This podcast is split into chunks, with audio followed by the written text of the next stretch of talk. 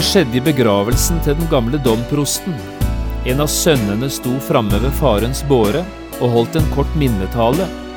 Her flettet han inn noen ord som nok ble en hel liten preken for mange av dem som var til stede. Ordene lød omtrent slik. Far opplevde i sine senere år en underlig forenkling av hele sin teologi. Til sist besto den bare av disse fire ordene Han døde for meg.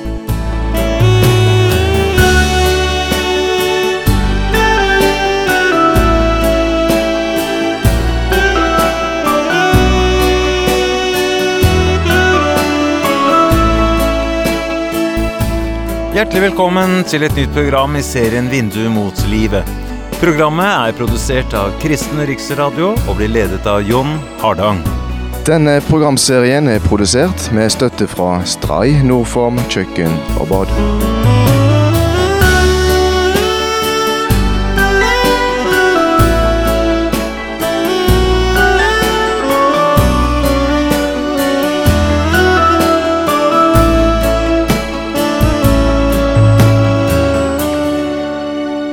Vi skal også i dag fortsette denne påskeserien som jeg har kalt Guds lam. I tolv program prøver vi å ta fram en del av det som skjedde med Jesus, fra før palmesøndag til etter hans oppstandelse. Du kan også få kjøpt denne programserien på CD ved å henvende deg til Kristen Riksradio. Vi skal i dag lese et fint bibelavsnitt fra Johannesevangeliet. Der døperen Johannes som vitner for folket hvem denne Jesus virkelig er. Vi leser fra kapittel 1, fra vers 29 til 34, og jeg har kalt dagens program Guds lam. Dagen etter ser han Jesus komme til seg og sier, Se der Guds lam som bærer verdens synd. Det var om han jeg sa, Etter meg kommer en mann som er kommet foran meg, fordi han var før meg. Og jeg kjente ham ikke, men for at han skulle åpenbares for Israel, derfor er jeg kommet og døper med vann. Johannes vitnet og sa, Jeg har sett Ånden komme ned som en due fra himmelen, og han ble over ham. Jeg kjente ham ikke, men han som sendte meg for å døpe med vann, han sa til meg, Ham du ser Ånden komme ned og bli over, han er den som døper med Den hellige ånd. Og jeg har sett det, og jeg har vitnet at han er Guds sønn.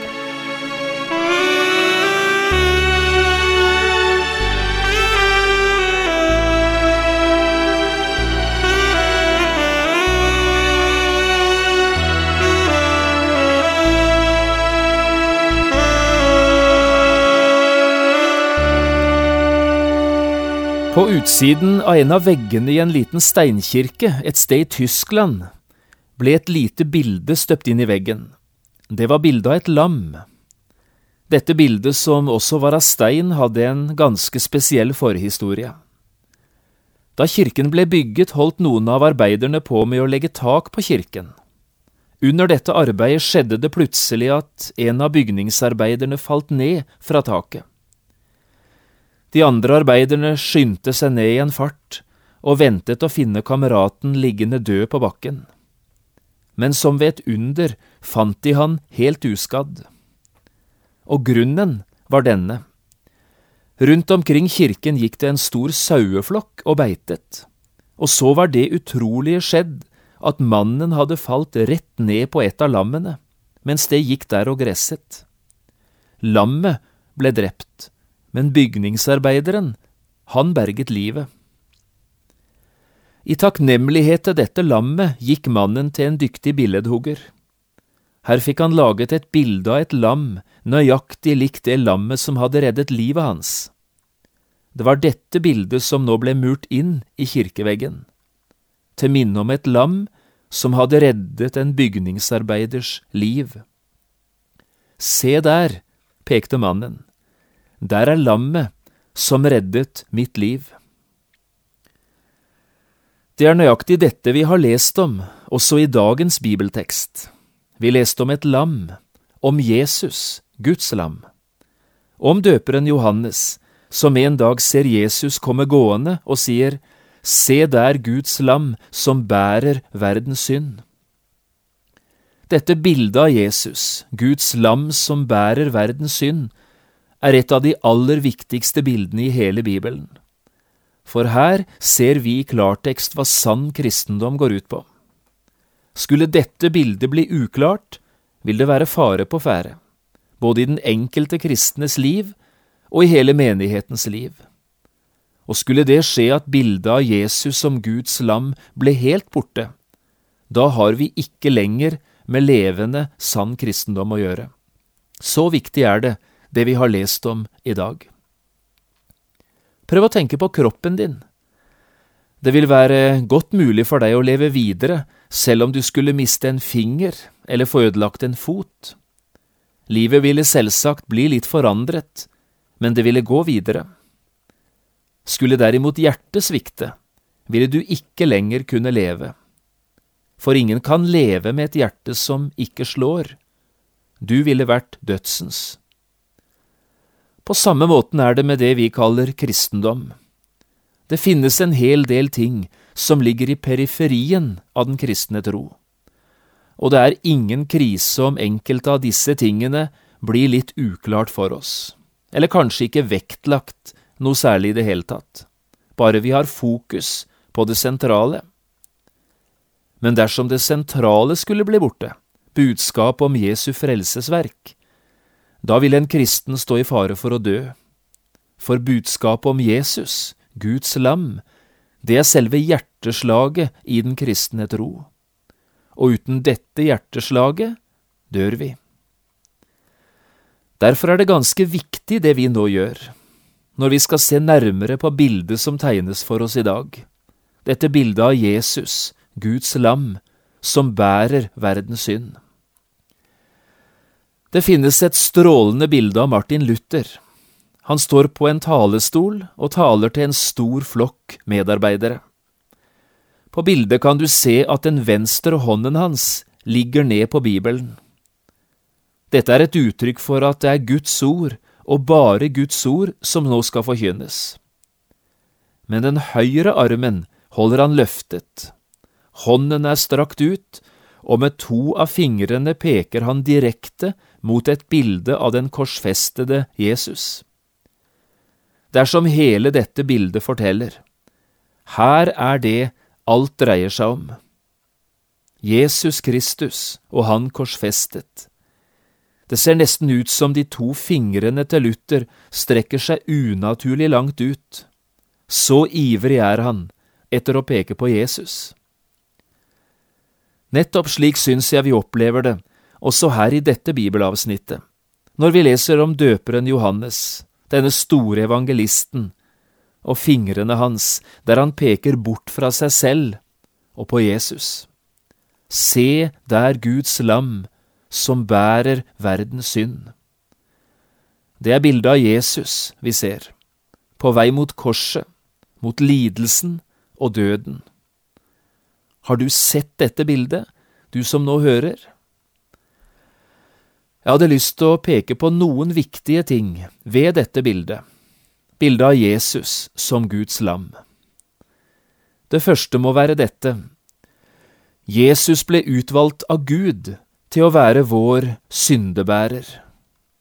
Se der, Guds lam, sier Johannes. Det var Gud selv som valgte ut Jesus til å være vår stedfortreder, han som skulle bære våre synder inn under Guds dom.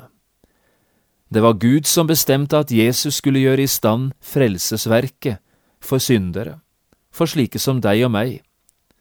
Det var Guds vei han gikk, Guds gjerning han gjorde, og Guds plan han fullførte. Det var ingen andre som kunne gjøre det, ingen av englene, ikke noe menneske, bare Guds egen sønn, men han, han gjorde det. Og det var ingen andre måter å gjøre det på heller. En uskyldig måtte dø istedenfor de skyldige. Jesus gjorde det, vår stedfortreder. Gud selv tok denne avgjørelsen. Han la hele planen, forberedte frelsen, gjennomførte den i Jesus, sin eneste sønn. Jesus ble Guds utvalgte. Se der Guds lam, sier Johannes, han som bærer verdens synd. Jesus oppfyller alle profetiene i Det gamle testamentet. Det er det andre vi her vil understreke. Døperen Johannes er jo ikke den første som taler om Guds lam. Bildet av lammet var gjort kjent gjennom hele den gammeltestamentlige tid, i forbilledlige handlinger og i profetier. Det er her nøklene ligger, de som kan åpne hemmeligheten for oss, hva det betyr at Jesus ble Guds lam. Skal vi ikke gjøre et lite tilbakeblikk på noen av disse forbildene i Det gamle testamentet? Jeg tror vi skal ta fram fire slike bilder som hver på sin måte forteller oss noe om lammets betydning. Og disse bildene blir tydeligere og tydeligere som tida for Jesu komme nærmer seg. Det første er av Kain og Abel. Både Kain og Abel ønsket å ordne sitt forhold til Gud, og de forsto begge at de var nødt til å bære fram et offer.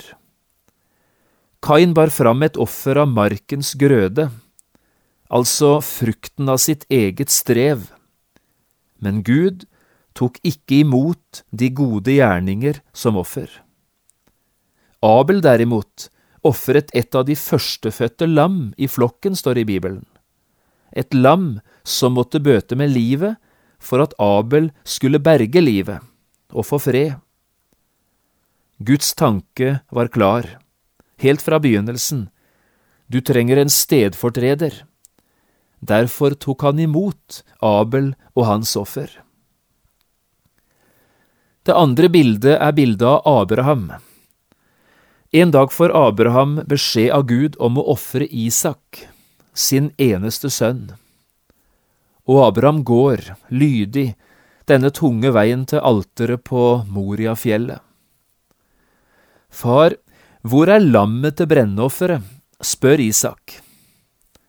Gud vil selv utse for seg lammet til brennofferet, min sønn, lyder svaret.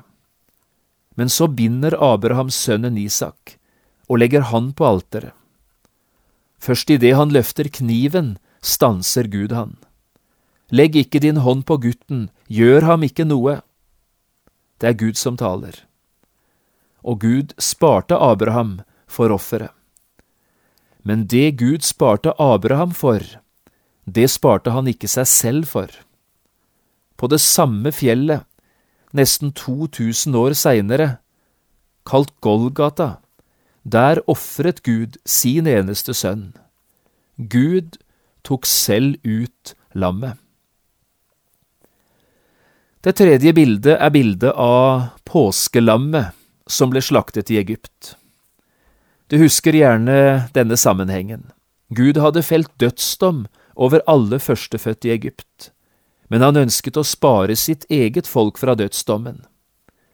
Derfor skulle hver familie ta seg ut ett lam, slakte det og stryke blodet på dørstolpene. Når Gud så gikk gjennom landet ved midnattstid, lovet han å gå forbi alle de hus som hadde blod på dørene. Bak blodbestrøkne dører var alle trygge. Lammets blod ble deres redning. Slik viser Gud oss betydningen, ikke bare av lammets død, men også av lammets blod. På samme måten som det her skjedde, skulle Jesus en dag gi sitt liv for oss, og med sitt blod kjøpe oss fri fra Guds dom til døden. Det fjerde bildet i Det gamle testamentet er det vi kaller sangene om Herrens lidende tjener. Vi har fire slike sanger om denne tjeneren i profeten Jesajas bok. Og i den fjerde, den siste av disse sangene, skildres en mann som blir ført bort, akkurat som et lam blir ført bort for å slaktes. Og like ydmyk og tålmodig som et lam er, når de ikke opplater sin munn, opplot heller ikke denne mannen sin munn. Det høres ingen protester. For første gang får vi se det helt klart. Guds lam er et menneske. Guds lam er mannen som bærer den straffen og dommen vi alle skulle hatt. Guds lam er Jesus. Men han ble såret for våre overtredelser, knust for våre misgjerninger. Straffen lå på han for at vi skulle ha fred, og ved hans sår har vi fått legedom. Slik lyder det i denne sangen. Vi kunne gjerne ha tatt fram flere bilder. Men nå er han altså her. Døperen Johannes ser han komme gående, peker på han og sier, Se der, Guds lam, som bærer verdens synd. Jesus tar dommen og straffen for alle våre synder, så du og jeg skal få slippe det. Det er det neste vi vil understreke, og vi har vel allerede sagt en del om dette. Hvorfor ble det valgt ut et lam? Hvorfor kalles Jesus Guds lam som bærer verdens synd? Jo, vi har hørt det. Jesus gjorde det han måtte gjøre, som vår stedfortreder. Han gjorde det for oss, vi som ellers ville ha møtt Guds dom, vi skulle få slippe det. I stedet for å gå fortapt for alle våre synders skyld, skulle vi få muligheten å bli frelst. Gud behandlet Jesus som om han var oss, for at vi skulle få behandling som om vi var Guds kjæreste barn. Den svenske vekkelsesforkynneren Karl Olof Rosenius sier så fint om dette, og jeg siterer noen setninger fra husandagsboken hans. Frihet i samvittigheten fra syndens skyld og dom hviler på en så enkel sannhet at hvis noe tas bort fra et sted og flyttes over på et annet sted, da ligger det ikke lenger på det første stedet. Og det er nettopp slik Gud tenker. Synden og skylden lå på oss mennesker. Men Gud tok synden bort fra dette stedet. I stedet la han all verdens synd et annet sted, på Jesus skuldre, for at han skulle bære verdens synd innunder Guds dom. Dermed er vi fri, vi som ellers hadde vært redningsløst fortapt. Dagen etter ser han Jesus komme gående, leste vi her. Dagen etter hva for noe? Jo, dagen etter en stor diskusjon der Johannes hadde snakket med en del religiøse ledere fra Jerusalem. Men dagen etter, også noe annet var skjedd før. Jesus var blitt døpt av Johannes i elven Jordan. Johannes viser til dette også i det bibelavsnittet vi leste sammen. Jeg har sett Ånden komme ned som en due fra himmelen, og han ble over ham. Det er denne Jesus som kommer gående, han som Johannes selv, noen dager tidligere kanskje, hadde døpt i Jordanelven. Hvorfor ble Jesus døpt av Johannes i Jordan? Jeg vet ikke om du noen gang har tenkt særlig på det. Nå syns jeg du skal høre godt etter. Johannes praktiserte omvendelsens dåp til syndernes forlatelse. Folk ble døpt av han i Jordan idet de bekjente sine synder, forteller Matteus. Men en dag sto Jesus der, midt i køen av syndere, han som var helt uten synd. En etter en bekjente folk sine synder og ble døpt av Johannes. Men da Jesus kom og ville bli døpt, da protesterte Johannes. Jeg trenger å bli døpt av deg, og så kommer du til meg? La det skje, sa Jesus, for slik er det riktig av oss å fullføre all rettferdighet. Hva betyr det for noe? Hør nå, Jesus gikk denne dagen inn under byrden av all verdens synd mens de andre som ble døpt av Johannes, ble kvitt syndebyrden, tok Jesus en syndebyrde på seg den dagen, byrden av våre synder. Alle andre kunne rette ryggen og si Jeg er fri, men Jesus måtte etter sin dåp gå videre og bære en tyngre byrde enn noe menneske i denne verden har båret, og han bar den helt inn i sin egen død. På Golgata, da Jesus døde, gjorde han opp for alle våre synder, betalte vår gjeld til Gud. De andre ble altså kvitt noe, Jesus tok på seg noe. Det er derfor det her står om Johannes, se der Guds lam, som bærer verdens synd. Før Jesu dåp hadde Johannes aldri kunnet bruke slike ord, men nå kan han det. For i sin dåp ble Jesus gjort til vår syndebærer, til verdens frelser. Jeg kjente ham ikke, sier Johannes. To ganger sier han det.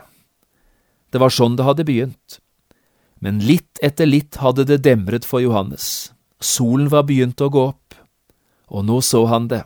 Se der Guds lam, som bærer verdens synd. Og han som bærer den, det er ikke hvem som helst, han er Guds sønn. Kanskje du som hører nå ligner litt på Johannes. Du har det ikke helt klart for deg dette med Jesus. Men prøv nå å ta til deg det du har hørt i dag. Tenk på det, og be Gud hjelpe deg så du forstår hva det betyr. Se der Guds lam, som bærer verdens synd. I andaktsboka si Veien, sannheten og livet forteller Georg Johnsen en liten historie om den gamle domprosten i hans egen barndoms by. Denne domprosten hadde vært en fremragende prest, en skarp teolog og et bunn ærlig menneske. I begravelsen sto en av sønnene hans framme ved farens båre og holdt en kort minnetale. Her flettet sønnen inn noen ord om sin far, som nok ble en hel liten preken for mange av dem som var til stede. Ordene falt omtrent slik. Far opplevde i sine senere år en underlig forenkling av sin teologi. Til sist besto den bare av fire ord. Han døde for meg. Det er dette det til sjuende og sist handler om for hver eneste en av oss. Han døde for meg. Gud gi at også du og jeg fikk reise fra denne verden, på den samme himmelbilletten som den gamle domprosten gjorde det. Han døde for meg. Den som reiser på en slik billett, han reiser trygt.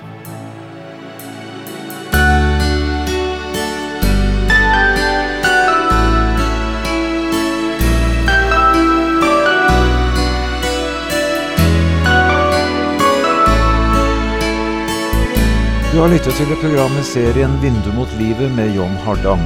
Programmene i denne serien kan også kjøpes på CD fra Kristen Riksradio, eller høres på internett på p7.no. Har du spørsmål eller kommentarer til det du nå har hørt, kan du ta kontakt med oss. Adressen er Kristen Riksradio, Skiene 2, 5353 Straume. Eller send en e-post vml alfakrøll p7.no. Takk for i dag, og på gjenhør.